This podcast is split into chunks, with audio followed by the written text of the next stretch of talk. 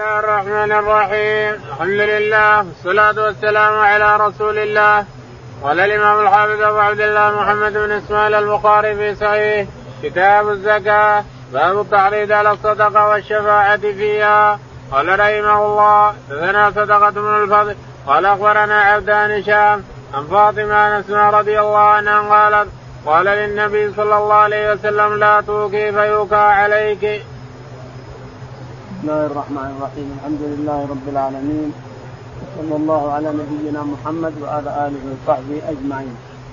يقول الإمام الحافظ أبو عبد الله محمد البخاري رحمه الله في صحيحه ونحن لا نزال في كتاب الزكاة وهي النمو في اللغة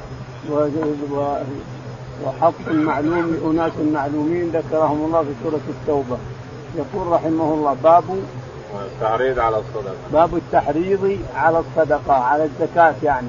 الزكاة المفروضة الصدقة عامة يعني حرض على الصدقة من حيث هي. ولكن الزكاة المفروضة هي المهم جدا وهي التي فريضة ركن من أركان الإسلام. قرنها الله بالصلاة 82 موضع يقول رحمه الله حدثنا صدقة بن الفضل. صدقة بن الفضل. قال حدثنا عبدة بن سليمان. عبدة بن سليمان قال عن هشام بن عروة. عن هشام بن عروة. عن فاطمة. عن فاطمة عن أسماء رضي بنت المنذر ابن الزبير قال عن أسماء عن أسماء جدتها. تقول أسماء رضي الله تعالى عنها أن النبي عليه الصلاة والسلام قال لا توكي فيوكي عليك يوك عليك. يعني لا توكي يعني من باب المناسبة. يعني يرمز إلى أنك إذا أوكيت معونك أوكيت الشنطة أو أوكيت الصندوق أو قفلتيه وفعلتها فإن الله تعالى تقدس يعاملك بالمثل. يعني إذا بخلت عاملك الله بالمثل يصيبك بالبخل يصيبك ربك بالبخل. فلا توكي شنطة تقفلينها وإلا مثلا صندوق وإلا شيء من هذا. لا توكي يوكي الله عليك. ولهذا أمر أن لا تحسب نقودك إنسان فتنفذ عليك. لا تحسب أنفق انفق الله عليك. أنفق ولا تحسب أنفق. وإذا صار عندك حب كل كل وكل منه.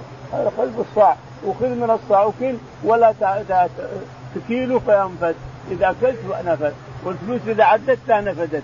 لا تنفذ. خذ من الفلوس خذ خذ من الفلوس حتى نفقتك. التي تنفق على عيالك؟ وعلى أهل بيتك؟ وعلى أشياء. لا تحسبها. خذ واعط كذا. خذ واعط كذا. خذ يا فلان خذ كذا. خذ يا فلان كذا. خذ جيبوا لبيتنا كذا. خذوا أعطوا فلان كذا. إلى آخره. فإذا حسبتها. واحد اثنين ثلاثة. ما نفذت انتهت. انتهت ونفذت عليك. ما دام تأخذ ولا تحسب فهي ينزل الله فيها البركة تعالى وتقدس ولا كأنك ما تنفذ سبحان الله.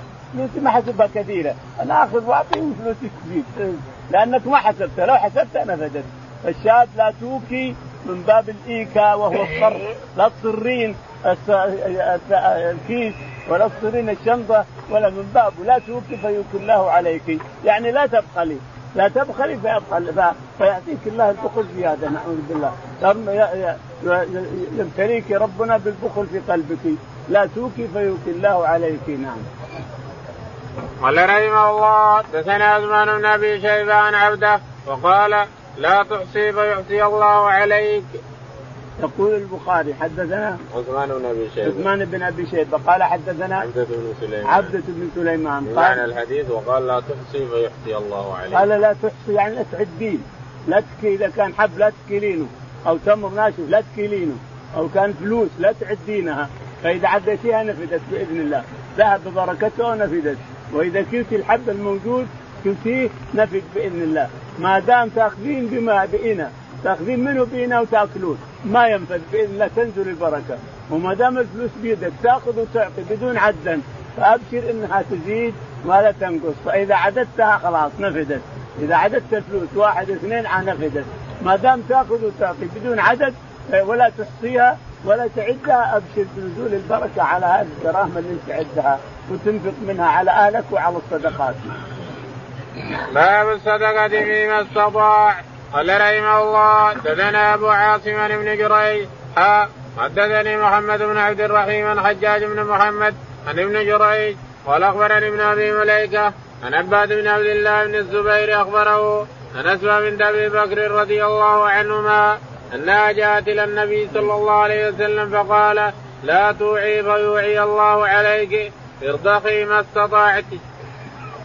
يقول البخاري رحمه الله حدثنا باب الصدقة فيما استطاع. باب الصدقة في الاستطاعة في المستطاع. يعني تستطيع تصدق تصدق. يقول رحمه الله حدثنا أبو عاصم النبيل أبو عاصم النبيل قال حدثنا ابن جريج. ابن جريج. ثم حول السند. ثم حول قال حدثنا محمد بن عبد الرحيم. محمد بن عبد الرحيم قال عن حجاج بن محمد. عن حجاج بن محمد. عن ابن جريج. عن ابن جريج قال أخبرني ابن أبي مليكة. أخبرني ابن أبي مليكة. قال حدثنا عباد بن عبد الله بن عباد بن عبد الله عن أسماء بنت أبي بكر. عن أسماء بنت أبي بكر الصديق رضي الله تعالى عنها أنها أتت إلى النبي عليه الصلاة والسلام يعني تستفتيه في الزكاة والصدقات والأشياء فقال لا توعي يعني لا تحطين في الوعاء ثم تقفلينه. تحطين في الوعاء وتقفلين الوعاء أو تحطين بالكيس ثم تقفلين تربطين الكيس. أو تحطين بالشنطه ثم تفكين الشنطة. لا توعي لا تحطينه في الوعاء والوعاء عام لكل إناء يحط فيه شيء. وعاء عام لكل شيء يحط فيه شيء. لا توعي فيوعي الله عليك يعطيك الله بالمثل. ربنا يعاملك بالمثل. أنت تبخلين يعاملك بالبخل. تكرمين وتصدقين يعاملك بالمثل. فربك تعالى وتقدس إذا تصدقت وأنفقت وتكرمت تكرم عليك تعالى وتقدس كرما ومنة وفضل. وإذا بخلت فأبشر في البخل أعطاك الله بمثل ما تعمل. ربك تعالى وتقدس يعاملك بمثل ما تعمل. أنت كريم وتتكرم على الناس ويتكرم ربك عليك. أنت بخيل وربنا يعطيك البخل. ويعطي يرمي ويرمي البخل في قلبك. نعوذ بالله حتى ترى أن الناس كلهم كلهم ما ما ما, ما عندهم شيء وانك أنت ما عندك شيء والناس كلهم بخيلين والناس هذا كله فتنة من رب العالمين تعالى وتقدس. نعم. باب الصدقة تكبر الخطيئة. قال رحمه الله دثنا قتيبة قال دثنا جرير عن الأعمش عن أبي وائل حذيفة رضي الله عنه قال قال عمر رضي الله عنه أيكم يحفظ حديث رسول الله صلى الله عليه وسلم عن الفتنة؟ قال قلت أنا أحفظه كما قال. قال إنك, إنك عليه لجري فكيف؟ قال قلت فتنة الرجل في أهله وولده وجاره. تكفرها الصلاة والصدقة والمعروف. قال سليمان قد كان يقول الصلاة والصدقة والأمر بالمعروف والنهي عن المنكر. قال ليس هذه أريد. ولكني أريد التي تموج كموج البحر. قال قلت ليس عليك بها يا أمير المؤمنين بأس. بينك وبينها باب مغلق. قال فيكسر الباب أو يفتح؟ قال قلت لا بل يكسر. قال فإنه إذا كسر لم يغلق أبدا. قال قلت أجل. فهمنا أن نسأله من الباب. فقلنا لمسروق سله قال فسأله. فقال عمر رضي الله عنه قال قلنا فعلم عمر من من تعني قال نعم كما أن دون غد الليلة وذلك أني حدثته حديثا ليس بالاقاليط. يقول البخاري رحمه الله باب الصدقه تكفر الخطيئة. باب الصدقة تكفر الخطيئة، الصدقات تكفر الخطيئة. يقول رحمه الله حدثنا قتيبة بن سعيد قتيبة بن سعيد الثقفي قال حدثنا جرير جرير قال عن الأعمش. عن الأعمش سليمان. قال حدثنا أبو وائل. أبو وائل. عن حذيفة رضي قال عن حذيفة رضي الله تعالى عنها أنه قال له عمر رضي الله عنه أيكم يحفظ حديث الرسول أيكم يحفظ حديث الرسول عليه الصلاة والسلام؟ فقلت أنا يا رسول الله احصيه وأعطيك إياه كما قال. قال وان إنك لجري. قل. قال فقال أما الخطايا فتنة الرجل في أهله فتنة الرجل في أهله يعني كونه يخطي في أهله ويعمل خطأ ويعمل ذنوب في أهله في جيرانه في أعمال في اولاده في كذا في نفسه. هذه تكفرها تكفرها الصدقات. الصدقة تكفرها والوضوء يكفرها والصلاة تكفرها. قال ليس عن هذا أسأل إنما كان فتنة التي تموج كموج البحر. قال ليس لك بهذا. ليس عليك بأس يا أمير المؤمنين. دونك ودونها باب. قال يكسر وإلا يفتح. قلت يكسر. قال إذا كسر لا يغلق أبدا. يقول فإما انتهانا هبنا أن نسأله. حذيفة قال يكفر الذنوب كلها يكفرها تكفرها الصدقات. تصدق الإنسان عليك ذنوب فإذا صدقت كفر الله ذنوبك عنك. حتى ان حتى إن البلاء فينزل من السماء فإذا صدقت ارتفع انتهى. لأن الصدقه منعت البلاء أن ينزل من السماء. بلى مقدر عليك أن ينزل لكن مقدر أنك تتصدق فيمتنع. شوف قضى قضى وقدر وقضى وقدر أيضا. مقدر بلى أن ينزل على هالبيت هذا أو صاحب البيت أو أهله. مقدر أن ينزل الساعة الفلانية الدقيقة الفلانية. ومقدر أن يتصدق الساعة الفلانية الدقيقة الفلانية. فالصدقة تمنعه تمنع هذا البلاء. الذي سينزل في الساعة الفلانية الصدقة في الساعة الفلانية. تصدق بها ترتفع البلاء تعالى وتقدس وامتنع. انظر الصدقة كيف تمنع البلاء بالهواء قبل أن ينزل. تمنع البلاء قبل أن ينزل. فالشاهد أن حذيفة رضي الله تعالى عنه حدث عمر أحاديث ليست بالأغاليط لما سأله مسروق نعم. قلت أجل قال فهمنا أن نساله من الباب فقلنا لمسروق نساله قال فسأله. يقول فسأله قال عمر. قال عمر يعرف يعرف ما تقول. نعم كما أن دون اليوم بكرة دون النهار بكرة دونه ليلة. يعرف هذا. لأن حدثته حديث ليس بالأغاليط. عمر يفهم رضي الله عنه. ويعرف إنه هو الباب. إذا قتل انفتحت الفتنه وهذا هو اللي حصل. لما قتل عمر رضي الله عنه انفتحت الفتنة على الناس صار القتال وصارت الفتنة نعم. باب من تصدق بالشرك ثم أسلم قال رحمه الله حدثنا عبد الله بن محمد قال حدثنا هشام قال حدثنا معمر عن الزهري عن عروان حكيم بن حزام رضي الله عنه قال قلت يا رسول الله رأيت أشياء كنت أتحنث بها في الجاهلية من صدقة أو عتاقة أو وصلة رحم فهل فيها من أجل فقال النبي صلى الله عليه وسلم أسلمت على ما سلف من خير. يقول البخاري رحمه الله باب باب الكافر أو المشرك يتصدق وهو في شركه وهو في كفره. هل ينفعه هذا إذا أسلم؟ يقول البخاري رحمه الله. حدثنا عبد الله بن محمد. عبد الله بن محمد. قال حدثنا هشام. هشام. قال حدثنا معمر. معمر. قال عن الزهري. عن الزهري قال عن عروة بن الزبير. عن عروة بن الزبير عن حكيم بن حزام. عن حكيم بن حزام. عن حكيم بن حزام رضي الله تعالى عنه قال قال قلت يا رسول الله أرأيت أشياء كنت أتحنث بها في الجاهلية من صدقة يقول حكيم رضي الله عنه إني سألت الرسول عليه الصلاة والسلام يا رسول الله رأيت أشياء كنت أتحنث يعني أتعبد فيها يعني أعطيها لوجه الله حتى ولو كافر انظر ربنا يقبل حتى من الكافر إذا أسلم حتى من الكافر إذا أسلم. يقول كنت أتصدق كنت أعمل حاجات كنت أعتق العبيد لوجه الله كنت أتصدق لوجه الله وأنا على شركي. قال ينفعني هذا إذا أسلمت. قال أسلمت على ما أسلفت من خير. أسلمت على ما أسلمت أسلمت من خير.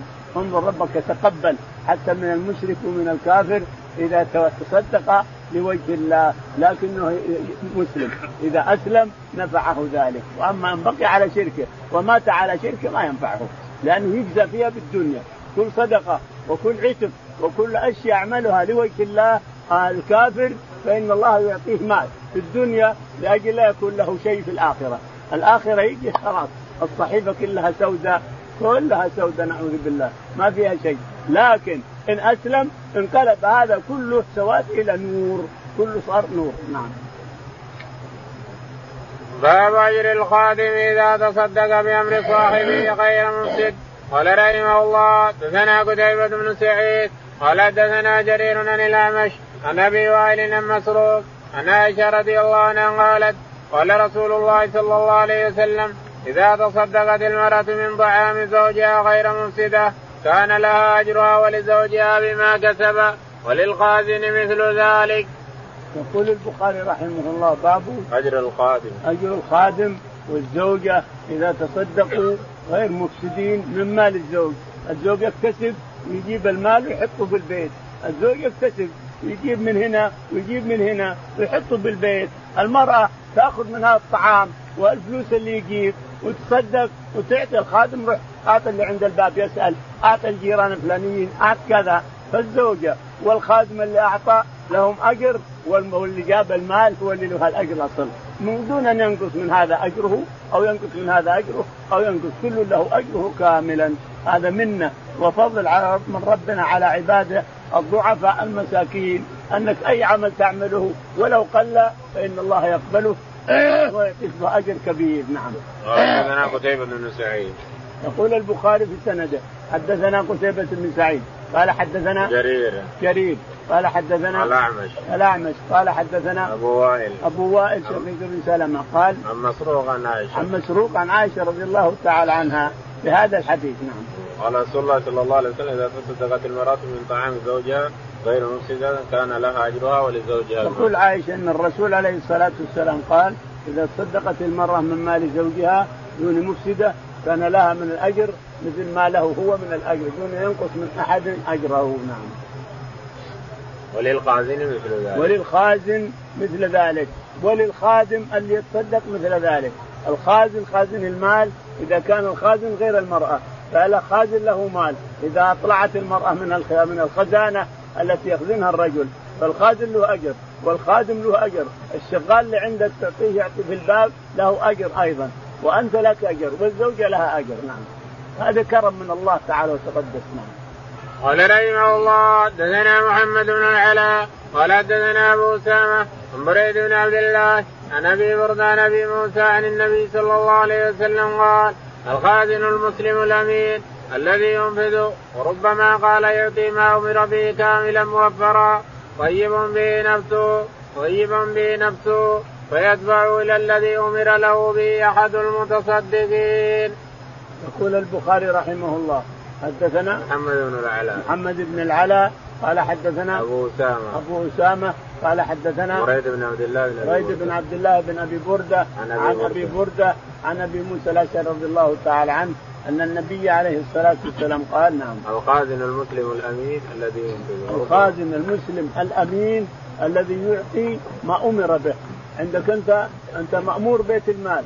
ثم أمر لفلان بما أمر له. تقوم تعطيه حقه وافر. ما تبيع تشتري مثل الناس اليوم. تبيع يشتري معه. أنت أمر لك مثلا ب ريال أو أمر لك مثلا بعشرين ألف أو أمر لك بثلاثين أو مئة ألف. لازم تعطيني شيء ولا ما أعطيك إياه؟ بكرة بعده براد ولا أعطيني شيء. اما تعطيه منها ولا ما يعطيك إياها؟ فالخازن الذي يسلمها كاملة ذو مساومة بدون شيء. يسلم هذا أمر لك يا فلان بعشرين ألف تفضل هذه عشرين ألف كاملة. هذا الذي أسأل الله الكريم من فضله أحد المتصدقين. هذا أحد المتصدقين لأنه أعطى المال كامل هو أمين عليه ثم أعطاه كامل بدون أن يسوي مساومة أو بيع وشراء مع الرجل. الناس اليوم بشكل بشكل اللي يبيع ويشتري في حق الناس. حقي أنا يؤمر لي به ويقوم يبيع ويشتري معي. ما اما يقول بكرة بعده تعال بعد أسبوع تعال كذا. يقول يجيني واحد من سكرتيره أو صديقه أو شيء. تعال الرجل يبغى فلوس. هذا كم قرش يعطيك حقك. يقوم تعطيه هذا جربناه إحنا. لكن الرشوة ترى حرام من كل باب. في كل حاجة حتى في حتى في الفلوس اللي يؤمر لك بها لا ترتشي لا ترشي ولا تسمع ولا تطيع لأحد. خذ حقك كامل ولا اتركه كامل. يقول له أنا ما أخذ شيء. خله عندك أنا ما أخذ. لا ما أعطيه ولا قرش. تعطيني اياه كامل ولا ما أخذ ولا قرش. خله عندك. أنا أرجع للي أمر به ثم يخاف يعطيك إياه كامل. لكن لو أعطاه من الأول يريد وجه الله والدار الآخرة وأنه أمين وأمر أن يعطيك وأعطاك إياه هذا له أجر المتصدقين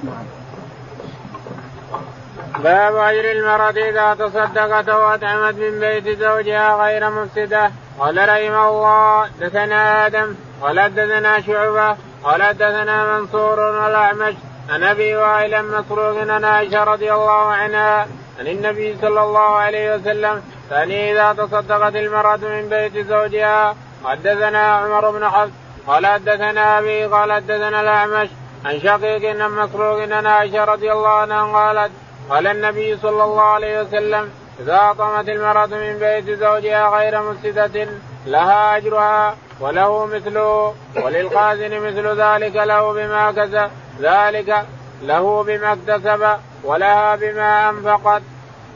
يقول البخاري رحمه الله مؤكدا ما سبق. حدثنا باب غير المرأة إذا تصدقت. باب أجر المرأة إذا تصدقت من مال زوجها. أو أطعمت. أو أطعمت لكن بإذنه. يعني هل إذا أطعمت بدون إذنه لها أجر؟ يقول هذا موكول إلى رضاه. إذا كان وكلها وراضي بما تفعل فهي لها أجر وله أجر.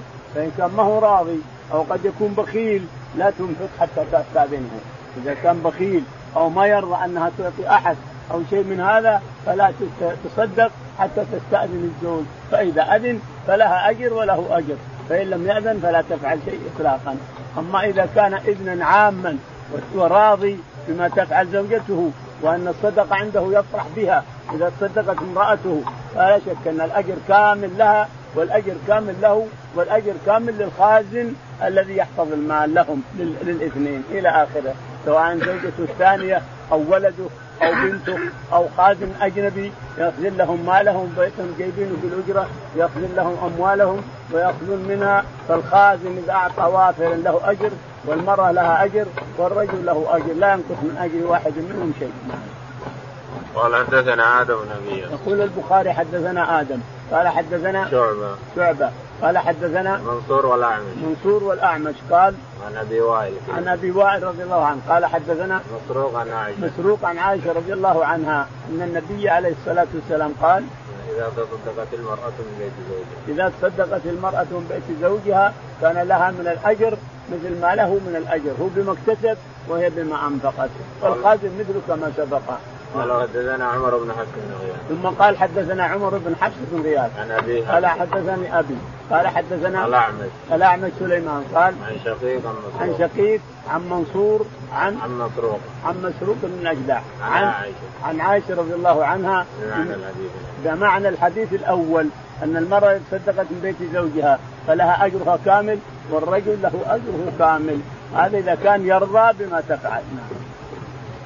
قال رحمه الله حدثنا يحيى بن يحيى قال أخبرنا جرير عن منصور عن شقيق عن مسروق عن عائشة رضي الله عنها عن النبي صلى الله عليه وسلم قال إذا أنفقت المرأة من طعام بيتها غير مفسدة فلا أجرها وللزوج بما اكتسب وللخازن مثل ذلك.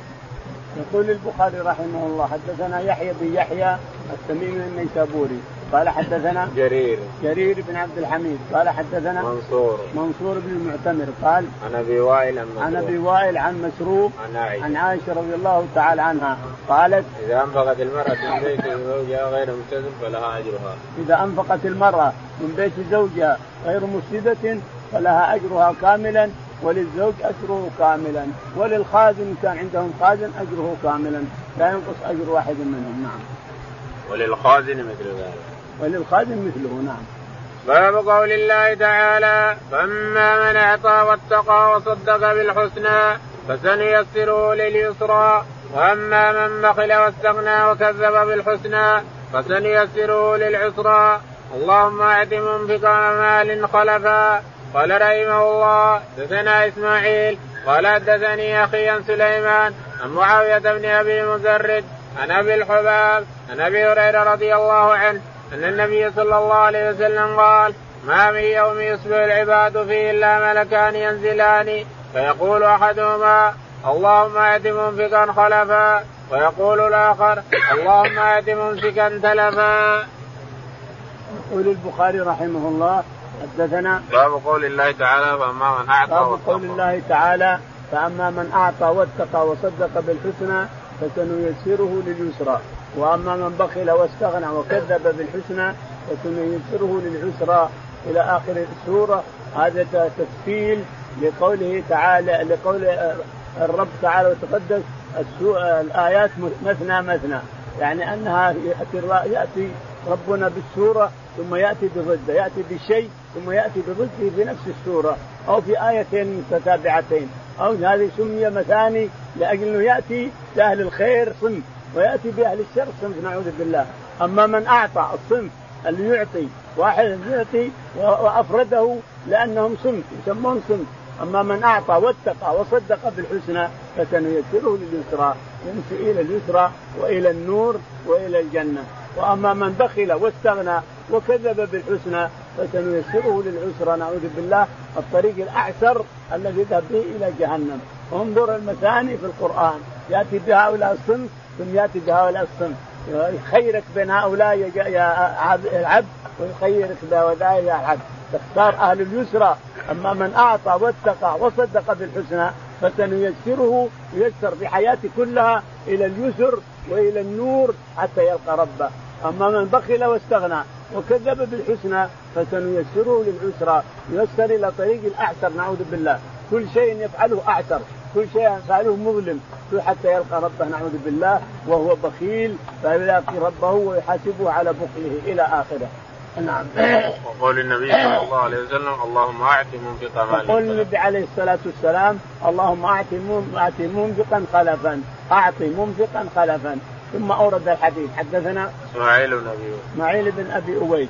عن أخيه عبد الله بن أبي أويس. عبد الحميد. عبد الحميد بن أبي أويس. قال عن سليمان. عن سليمان. قال حدثنا معاوية بن أبي مزرد. معاوية بن أبي مزرد. مزرد. قال عن أبي الحباب. عن أبي الحباب. قال عن أبي هريرة. عن أبي هريرة رضي الله تعالى عنه أن النبي عليه الصلاة والسلام قال ينزل ملكان مع كل شمس تطلع.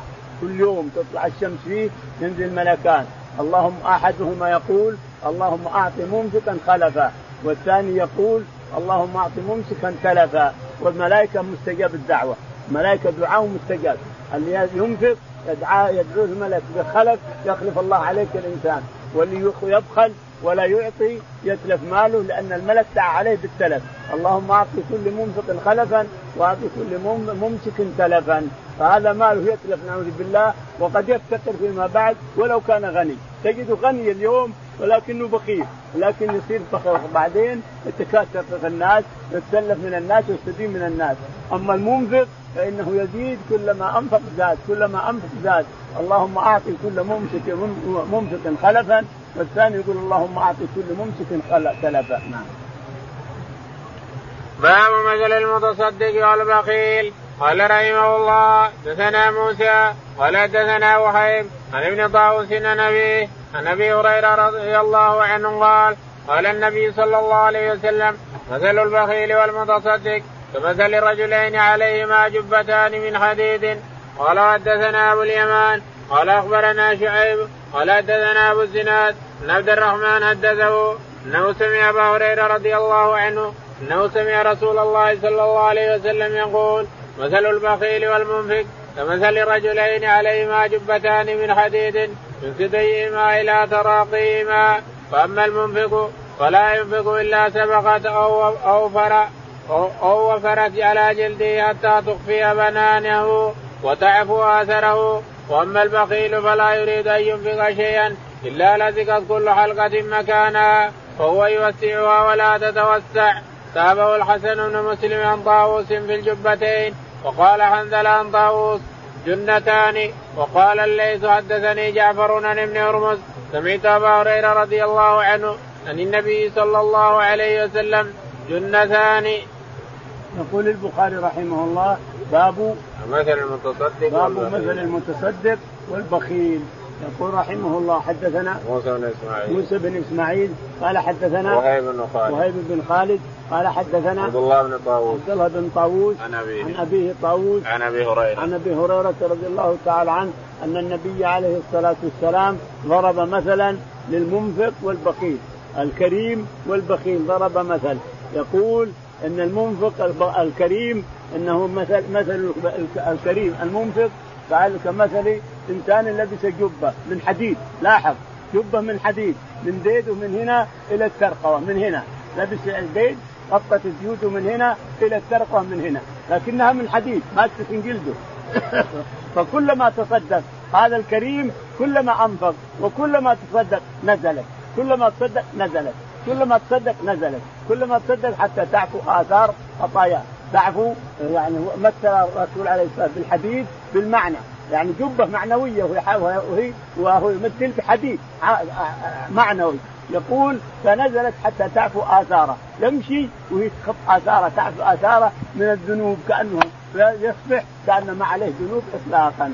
هذا مثل الكريم الذي يتصدق عليه الجبة هنا من الديد إلى الترقوة ماسكة رقبته وماسكة جيوده وماسكة صدره. فإذا تصدق نزلت. توسعت ونزلت. ثم تصدق توسعت ونزلت. ثم تصدق توسعت ونزلت. حتى تصل إلى الأرض وتصير مثل الثوب اللي يجره. تعفو آثاره؟ يعني آثار الخطايا والذنوب تمسحها يمسحها هذا الجبة التي لبسها. أو جنة يعني ستر. أما جنة أو جبة. لكن الصحيح أنها جبة كما في مسلم. جبة في البخاري ومسلم جبة. في الروايه الأولى. وفي رواية جنة يعني ستر. فالشاهد أنها تتوسع تتوسع حتى تعفو آثاره. ما يبقى له آثار اطلاقا حتى يلقى ربه وليس عليه ذنب. لأنها محت آثار هذه الجبة محت آثاره اللي يسويها حتى ما يسوي من الذنوب. يبقى وليس عليه ذنب. أما البخيل نعوذ بالله. فهي من هنا ما في هنا. فكلما فهو أراد الصدق مسكت جيوده وعلى رقبته وصار يا الله يقدر يتنفس يا الله يستطيع يتنفس لأنها تكت على صدره. وكلما تكت كلما بخل تكت زيادة. كلما بخل حتى أن نفسه يلا يقدر يقدر يتنفس. هذا البخيل نعوذ بالله. مثل الكريم ومثل البخيل. الكريم تنزل تتوسع تنزل حتى تعفو آثاره وهذا تصك تصك تصك تصك كلما بخل فك فك فكت حتى إن نفسه يصير عليه خطر أن يوجد معنوية موجودة على باب صدقة الكسب والتجارة. لقول الله تعالى يا أيها الذين آمنوا أنفقوا من طيبات ما كسبتم إلى قول أن الله غني حميد. باب على كل مسلم صدقة. يقول البخاري رحمه الله باب قول الله تعالى باب صدقة الكسب والتجارة. باب صدقة الكسب والتجارة. يعني يكتسب ويتصدق أو يتجر بماله ويتصدق. يتجر يبيع يشتري ويتصدق أو ينفق ماله ويعمل بماله ويتصدق. المهم أن التجارة ينفق منها وكذلك الأعمال اللي يعملها ينفق منها. هذا المسلم الذي آمن بالله ورسوله. يقول البخاري حدثنا ولقوله تعالى يا أيها الذين آمنوا أنفقوا من طيبات ما وقول الله تعالى يا أيها الذين آمنوا أنفقوا من طيبات ما كسبتم. ومما أخرجنا لكم. ومما أخرجنا لكم من الأرض. ولا تيمموا الخبيث منه تنفقون. ولستم بآخذيه إلا أن تغمضوا ولستم بآخذيه إلا أن تغمضوا فيه إلا أن تغمض الإنسان. خبيث تنفق على الناس وأنت ما تستطيع تأخذه إلا اذا غمضت هذا حرام عليك يا مسلم. أنت لا تعطي اللي ما ما ما تأخذه. الشيء اللي ما تقبله لنفسك لا تعطيه حقوق المسلم. أعط من طيبات ما كسبتم. أطيب ما تكسب من مالك أعطي المسلم. أعطي أخوك المسلم وأتصدق به. وإلا ربك ما يقبل إلا طيب. ربك ما يقبل إلا طيب وحلال بعد. يقبل طيب ما هو خربان. ولا يقبل إلا حلال. اولا أنه طيب حلال وثاني أنه طيب ما في خراب. ما تعطي إنسان ما تستطيع تقبله. تعطي تمر مسوس ولا تعطي حب مسوس ولا تعطي أشياء ثوب مشدد ما يجوز. هذا أنت لو أعطيت فيه ما تقبله. فلما فهي تعطي أخيك المسلم. حرام عليك تعطي الشيء اللي ما تقبله الإنسان.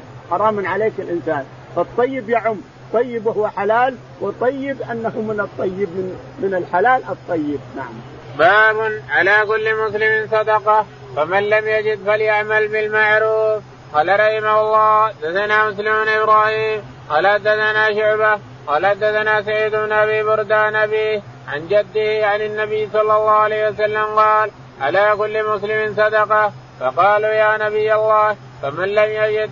قال يعمل بيده فينفع نفسه ويتصدق. قالوا فإن لم يجد؟ قال يعين ذا الحاجة الملهوف. قالوا فإن لم يجد؟ قال فليعمل بالمعروف وليمسك عن الشر فإنها له صدقة. يقول البخاري رحمه الله باب باب على كل مسلم صدقة. على كل مسلم صدقة. يعني عليك صدقة يا الانسان غير الزكاة، الزكاة هذه مفروضة ركن من أركان الإسلام، لكن عليك صدقات في اخوانك المسلمين تعين هذا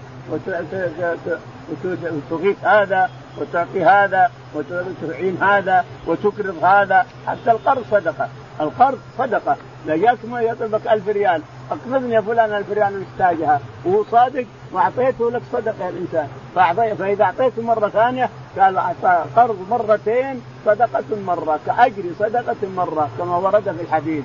يقول البخاري حدثنا مسلم بن إبراهيم. مسلم بن إبراهيم الفراهيدي. قال حدثنا شعبة. شعبة. قال قال حدثنا سعيد بن أبي برده سعيد بن أبي برده عن أبي برده عن أبي موسى الأشعري رضي الله تعالى عنه. قال على كل مسلم صدقة. يقولنا النبي عليه الصلاة والسلام قال على كل مسلم صدقة. وقالوا يا رسول الله فإن لم يجد مال يتصدق ماذا يصنع؟ قال يعمل بيده فينفعه. يعمل بيده يشتغل سباك حداد نجار معلم أي شيء اشتغل وتصدق على نفسك وعلى الناس. نعم. فإن لم يجد يستطيع. قال يعين ذا الحاجة الملهوف. يعين ذا الحاجة الملهوف. عندك إنسان حاجة تعينه على حاجته. إنسان بيحمل كذا بيحمل حمل ثقيل شيله معاهم. بيسوي سيارة تسوي سيارته معه. يصل إلى كذا تمسك يده توصله إلى المكان اللي يريده. فهذا صدقة أيضا نعم. قالوا فإن لم يجد قال فليعمل بالمعروف وليمسك عن الشر. قالوا فإن لم يجد أو ما لم يستطع قال فليعمل بالمعروف يعمل هو بالمعروف ويمسك عن الشر. هو بنفسه يعمل يصدق على نفسه على نفسه بالمعروف ويمسك عن الشر عن الناس. ما يأذي الناس يمسك شره عن الناس ويعمل بالمعروف ويؤدي إلى الناس المعروف. نعم. فإنها له صدقة. فإنها له يعني فعلك بنفسك الإنسان وخدمتك لنفسك. أيضا صدقة على نفسك صدقة لوجه الله. نعم. باب قدر كم يعطى من الزكاة والصدقة ومن شاه قال رحمه الله دثنا أحمد بن يونس قال دثنا أبو شهاب عن خالد الهزاء عن حفصه بنت سيرين عن أم عطية رضي الله عنها قالت بعث إلى نسيبه الانصاريه بشاد فأرسلت إلى عائشة رضي الله عنها منها فقال النبي صلى الله عليه وسلم عندكم شيء؟ فقلت لا إلا ما أرسلت به نسيبه من تلك الشاة. فقال هذه فقد بلغت محلها. يقول البخاري رحمه الله باب قدر كم يعطى من الزكاة. قدر كم يعطى من الزكاة، الزكاة كم تعطي الإنسان إذا كان عندك شيء، كم تعطي عشرها، خمسها، ربعها، الشيء اللي تستطيع، تصيبه نفسك شيء تصيبه نفسك. تعطيه هذا لك صدقة الإنسان، اللي تأكله صدقة على نفسك لكن ما هو مثل يتصدق به الإنسان. نعم. قال حدثنا أحمد بن يونس. حدثنا أحمد بن يونس قال حدثنا أبو شهاب. أبو شهاب اسمه عبد ربه بن نافع. عبد ربه بن نافع نعم. عبد ربه بن نافع. أبو شهاب اسمه عبد ربه بن نافع. قال عن خالد الحذاء. عن خالد الحذاء. قال حدثنا حفصة بنت سيرين. حفصة بنت سيرين. عن أم عطية. عن أم عطية نسيبة بنت كعب. قالت بعث إلى نسيبه الأنصارية بشاة. قالت بعث إلى نسيبة الأنصارية ما أدري تدري تعني نفسها هي نسيبة الأنصارية أو تعني سميتها اسمها نسيبة ونسيبه عندنا نسيبة الأنصارية وعندنا نسيبة الأسلمية. كلها كل كل اثنين يسمون نسيبة بنت كعب ونسيبة بنت كعب. هذه الأنصارية وهذه الأسلمية. الأنصارية هذه هي التي آه، آه، دافعت عن الرسول في أحد. وقتلت الشخص اللي أراد أن يضرب الرسول بحجر وربته على عنقه. والشاهد أن نسيبه الأسلمية رضي الله عنها هذا الذي تولت غسل النساء وتختين النساء وخدمة المدينة كلها. تولى إغاثة الملهوف في القتال وغيره. فالهي نسيبه بنت كعب الأسلمية هي اللي بين يدينا الآن. نعم. قالت بعث اليه يقول بعث إلى نسيبه الأسلمية. بعث إليها شاة صدقة. نعم. فأرسلت إلى عائشة رضي الله عنها منها. فأرسلت إلى عائشة منها رضي الله عنها إلى عائشة من من الشاة التي بعث بها إلى نسيبة. ولا أدري ربما الرسول عليه الصلاة والسلام تصدق بهذه الشاة على نسيبة. لكن بعدما ذبحتها نسيبة وأعطتها لحم أرسلت إلى عائشة لحم. تبيها لعائشة ما تبيها للرسول لأنها صدقة. فلما جاءت جاء عليه الصلاة والسلام قال هناك شيء من الأكل؟ قالت ما عندنا شيء إلا ما أرسلت به نسيبه يعني لحم؟ قالت لحم قال نسيبه بلغ مبلغ إحنا صدقنا بها ارسلت لنا هدية اتي ناكل وأكل. مثل ما حصل لبريرة لما جاءها اللحم قال على بريرة صدقة وعلينا نحن هدية اتي ناكل إلى آخره. فالشهادة اللي يعطى الخدم لك الإنسان يصير هدية لك لا صدقة. هي صدقة على خادمك الفقير المسكين أو على جارك لكن أنت قد يكون عليك هدية. فالرسول عليه الصلاة والسلام قال هات اللحم الذي أرسلت به نسيبة فأكل منه. عليه الصلاة والسلام. وصار الشاة كلها صدقة لوجه الله راحت نعم. باب زكاة الورث قال رحمه الله دثنا عبد الله بن يوسف قال أخبرنا مالك عن عمرو بن يحيى المازني عن أبي أنه قال سمعت أبا سعيد الخدري رضي الله عنه قال قال رسول الله صلى الله عليه وسلم ليس فيما دون خمس زود صدقة من الإبل وليس فيما دون خمس أواق صدقة وليس فيما دون خمسة أوسق صدقة. يقول البخاري رحمه الله باب زكاة الورق يعني الفضة إذا قلنا الورق بكسر الراء فهو الفضة والورق هو اللي بين يدينا هذا. الورق اللي بين يدينا والورق بكسر الراء هو الفضة. يقول رحمه الله حدثنا عبد الله بن يوسف. عبد الله بن يوسف التنيسي. قال حدثنا مالك بن أنس. مالك. قال حدثنا عمرو بن يحيى. عمرو بن يحيى. قال حدثنا يحيى المازني. يحيى المازني. عن قال أبي سعيد الخدري. عن أبي سعيد الخدري رضي الله تعالى عنه أن النبي عليه الصلاة والسلام قال ليس فيما خمس أو ما دون خمس زوج. يعني خمس من الإبل صدقة. خمس فيها شاة. لكن إذا ما كانت خمس ما فيها شيء. ليس فيما دون خمس زوج صدقة ولا فيما دون خمسة أوسق صدقة. يعني من النخل والحبوب ليس فيما دون 300 صدقة. اللي دون 300 ما بلغ نصاب يسمى ما بلغ نصاب. لكن إذا بلغ 300 ففيه 15 صاع. كل 300 من التمور وكل 300 من العنب وكل 300 من الحبوب فيه 15 صاع. يعني ربع العشر.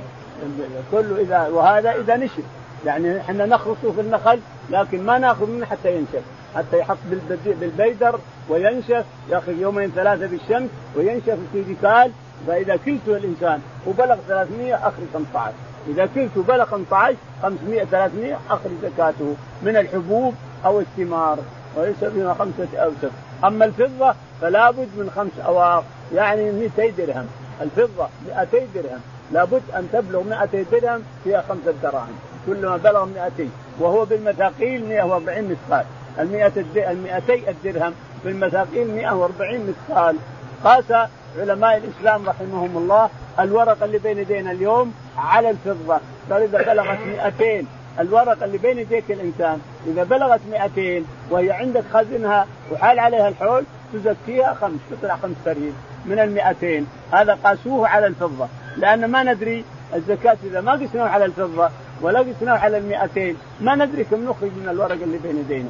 كم زكاته ما تدري. من حدده ما تدري. لأنه حادث جديد ما طلع إلا في آخر القرن الرابع عشر.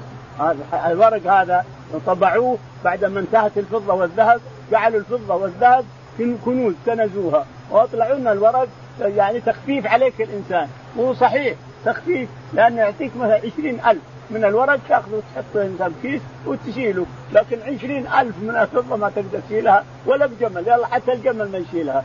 الفضة, أو الذهب ما يشيلها. فالآن خففوا على الناس. يعطيك عشرين ألف بورقة ويحطها بكيس وتشيلها الإنسان بنفسك.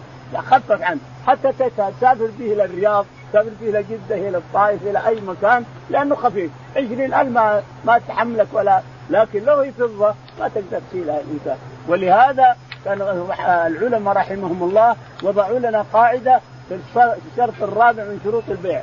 الشرط الرابع من شروط البيع فيه ورقة يسمونها سفجه الورقة هذه يعني اليوم جعلوها شيك سموها شيك وهي سفجه يقول لك أن تحول هذه الورقة على عاملك بالرياض. الرياض لك أنت الإنسان وكيل عنده أموال لك.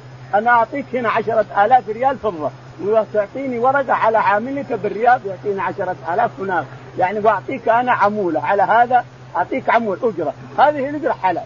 هذه الأجرة حلال لأنه حفظ مالي وحفظ حمولتي وحفظ كل شيء. غاية ما هناك أروح واخذ الفلوس هناك بالرياض وسلم معي ورقة فقط. هذا الشيك اللي طلعت هي التي في الشرط الرابع من شروط البيع ويسمونها السفتجة. هذه الورقة هي الشيكات اليوم. خذ الشيك ب 10000 20000 خذ روح استلم بالرياض ولا استلم مصر ولا استلم بأي مكان يكون. لكن إذا اختلفت الشيكات فهل فيها ربا؟ يدخلها الربا كما إذا اختلف الفضة والذهب أو اختلفت الفضة جنسها وغيرها هل في ربا؟ تقول إذا اختلفت الأجناس يعني صار عندك دولار بالريال السعودي أو دولار بجنيه مصري أو جنيه أو دينار كويتي أو شيء من هذا دخله الربا عند بعض العلماء يدخله الربا إذا اختلف الجنس يعني ريال سعودي بدولار أو دولار بجنيه مصري أو دولار بجنيه كويتي هذا يقول إنه يدخله الربا لأنه مرصود بالذهب والفضة. هذا مرصود بالذهب وهذا مرصود بالذهب فإذا رجعنا كل شيء إلى نقده ورجعنا كل شيء إلى كنزه صار دخله الربا. لكن أرى أنا أنه ما هو مرصود الآن ذهب ولا فضة. حتى الرصيد اللي بالبنوك العالمية ورق ورق في ورق كله. دولار وإلا جنيه إنجليزي وإلا استرليني ولا شيء من هذا. فالشاهد ان الرصيد كله. لكن كونه يدخله الربا لأنه فيه زكاة ولأنه ثمن. لأنه ثمن. تستطيع تشتري البيت فيه تشتري الشرى فيه تزوج تزوج فيه. فما دام ثمن أعطيك إياه ثمن آخذ بيتك وأعطيك الفلوس آخذ بنتك اتزوجها اعطيك الفلوس آخذ سيارتك وأعطيك الفلوس صار ثمن دخله الربا حينئذ. ما دام صار ثمن دخله الربا ودخلته الزكاة حينئذ. صار يزكى وصار ثمن صار ثمن. إذا سرق يقطع يده إذا سرق هذا المال اللي نسميه ورق إذا سرق تقطع يده السارق من حرزه وتمت الشروط تقطع يده إذا سرق. هذا الورق اللي بين يدينا اللي نقول إنه ورق لا قيمه له إذا سرق السارق من حرز ماله فإنه يقطع حينئذ. نعم. قال رحمه الله حدثنا محمد بن المثنى قال حدثنا عبد الوهاب قال حدثني يحيى بن سعيد قال أخبرني عمرو أنه سمع اباه عن ابي سعيد الخدري رضي الله عنه سمعت النبي صلى الله عليه وسلم بهذا. يقول البخاري رحمه الله حدثنا محمد بن المثنى. محمد بن المثنى قال حدثنا عبد الوهاب. عبد الوهاب قال حدثنا يحيى بن سعيد. يحيى بن سعيد قال عن عمرو بن يحيى. عن عمرو بن يحيى عن قال أبيه. عن أبيه يحيى قال المازني. عن ابي عمه المازني نعم. عن أبي سعيد الخدري معنى الحديث. عن أبي سعيد الخدري رضي الله عنه بمعنى الحديث الأول أن في كل خمسة أوسق صدقة. يعني 200 خمسة اوسق يعني 200 درهم فيها خمسة ريال خمسة ريال. واليوم كل 200 ريال في خمسة ريال. كل 200 ريال من هالورقة اللي نجعله ثمن في خمسة ريال نعم. كل 200 ريال اثنين نعم. باب العرض بالزكاة. وقال طاووس قال معاذ رضي الله عنه لأهل اليمن ائتوني بعرض ثياب خميس أو لبيس بالصدقة مكان الشعير والذرة أهون عليكم. وخير لأصحاب النبي صلى الله عليه وسلم بالمدينة. وقال النبي صلى الله عليه وسلم وأما خالد احتبس أذراعه واعتده في سبيل الله. وقال النبي صلى الله عليه وسلم تصدقن ولو من حليكن فلم يستثن صدقة الفرد من غيرها. فجعلت المرأة تلقي خرسها وسقابها ولم يخص الذهب والفضة من العروض. يقول البخاري رحمه الله حدثنا باب زكاة العرض. باب زكاة العرض، العرض كل ما يعرض ويباع في السوق، العرض كل ما يعرض ويباع، والعرض لا، العرض الدينار والدرهم. العرض قالوا إن الإنسان يأتي وليس له عرض يا رسول الله. عرض عرض من الدنيا إلى شيء. فالعرض هو الدرهم والدينار. وأما العرض فهو اللي يعرض للبيع ثياب واقمشه وسيارات وبيوت وجميع اللي يعرض. للبيع يسمى عرض. قال حدثنا قال طاووس قال معاذ رضي الله عنه لاهل اليمن ائتوني بعرض. يقول طاووس بن كيسان الجندي أن معاذ رضي الله عنه لما أرسله الرسول إلى اليمن إنك تأتي ناسا من أهل الكتاب فادعوهم إلى شهادة لا إله إلا الله فإن أطاعوا فصلوا خمس فإن أطاعوا يخرجوا زكاة أموالهم. واقبل منهم ما الوسط ولا تأخذ الطيبة فيدعو عليك. فإن دعوة الظالم المظلوم مستجابة. يقول إن معاذ يقول طاووس إن معاذ رضي الله عنه. قال لأهلهم أعطوني ثياب. ثياب سواء كان جديد أو ملبوس أو شيء. أهون عليكم من الحبوب والشعير، أنا باخذ زكاة زكاة حبوب وشعير وبر وتمر. ما أنتم كلفكم هذا، لكن أعطوني ثياب. واعطوني سواء ملبوس أو ما هو ملبوس، اطيب لأهل المدينة أهل الصحابة لأن ما عندهم لباس، أرسل لهم الالبسه أحسن لهم من الشعير والتمر، أعطوني مما عندكم. أنتم أهون عليكم وانفع لأصحاب الرسول عليه الصلاة والسلام. كلام معاذ بن جبل هذا هو حجة أبي حنيفة رحمه الله حيث أنه يقبل الزكاة من شيء من الشيء اللي فيه. أنت تجارتك ثياب أخرج الزكاة من الثياب. هذا مذهب أبي حنيفة رحمه الله. زكاة بضاعتك حديد أخرج زكاتك من الحديد. وبضاعتك مثلا سيارات أخرج زكاتك من السيارات. زكاتك كذا بيوت أخرج زكاتك من إلى آخره. أما الثلاثة الأئمة الثلاثة ونقول لابد من التصفية. يصير نقد. لازم ما تخرج الزكاة إلا نقد. تصفيها تشوف أموالك. هذه تسوى؟ تسوى مثلا مئة ألف أخرج زكاة مئة ألف. وأما أن تخرج من الثياب تخرج من التجارة تخرج فهذا ممنوع عند الثلاثة. الأئمة الثلاثة مالك والشافعي وأحمد ما تزكي إلا ذهب أو فضة. تخرج زكاتك ذهب أو فضة. هذا الذي أخبر الرسول بها عليه الصلاة والسلام. وأما الأقمشة فهذا اجتهاد من معاذ رضي الله عنه. أبو حنيفة أخذ بذهب قال أخرج من الزكاة اللي تبيع انت تبيع ثياب أخرج زكاة ثياب إلى آخره. قال وقال النبي صلى الله عليه وسلم أما خالد من احتبس ذراعه وأما يعني الثياب تسمى وأما احتسب اذراعه وثيابه لوجه الله. يعني لما قالوا فلان ما تصدق وفلان تصدق قالوا قال خالد أحسبك يعني أوقف. أوقف خيله وأوقف ملابسه لوجه الله فلا زكاة فيها، الوقف لا زكاة فيه. قال النبي صلى الله عليه وسلم تصدقنا ولو من حليكن. قال تصدقنا ولو من حليكن وصارت المرأة تلقي خرصها وتلقي قلادتها وتلقي سوارها في ثياب شرشف جلال رضي الله عنه. ولم يستثن صدقة الفرض من غيره. ولم يستثن فرضا يعني إن الفريضة والنافلة سواء. الصدقة الفريضة والنافلة سواء. تصدق الإنسان من مالك سواء فريضة أو نافلة. لك أجر كبير عند الله. إلا أن الفريضة ركن من أركان الإسلام لا يجوز أن تخل بها ولا ولا تتلف شيء منها.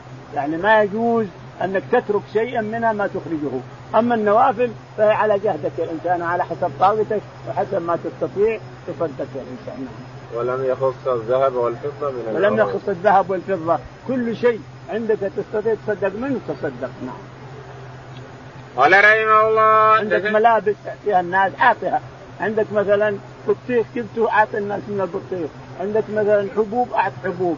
عندك مثلا رزق أعط الناس رزق عندك أشياء أعط من اللي عندك في بيتك أعط. لأن الله تعالى قال في اليمين في اطعام عشرة مساكين من إيش؟ من أوسط ما تطعمون أهلكم. إطعام عشرة مساكين من أوسط ما تطعم أهلك، أنت تطعمهم رزق أعطي الناس تصدق بالرزق تصدق. تعطيهم حبوب أعطي الناس حبوب إلى آخره. قال رحمه الله حدثنا محمد بن عبد الله قال حدثني أبي قال حدثني ثمامة أن أنس رضي الله عنه حدثه أن أبا بكر رضي الله عنه كتب له التي أمر الله.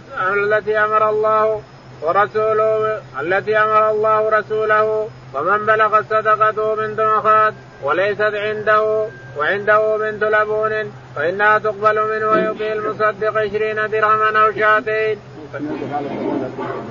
اللهم اهدنا فيمن هديت وعافنا فيمن عافيت وتولنا فيمن توليت اللهم توفنا مسلمين والحقنا بالصالحين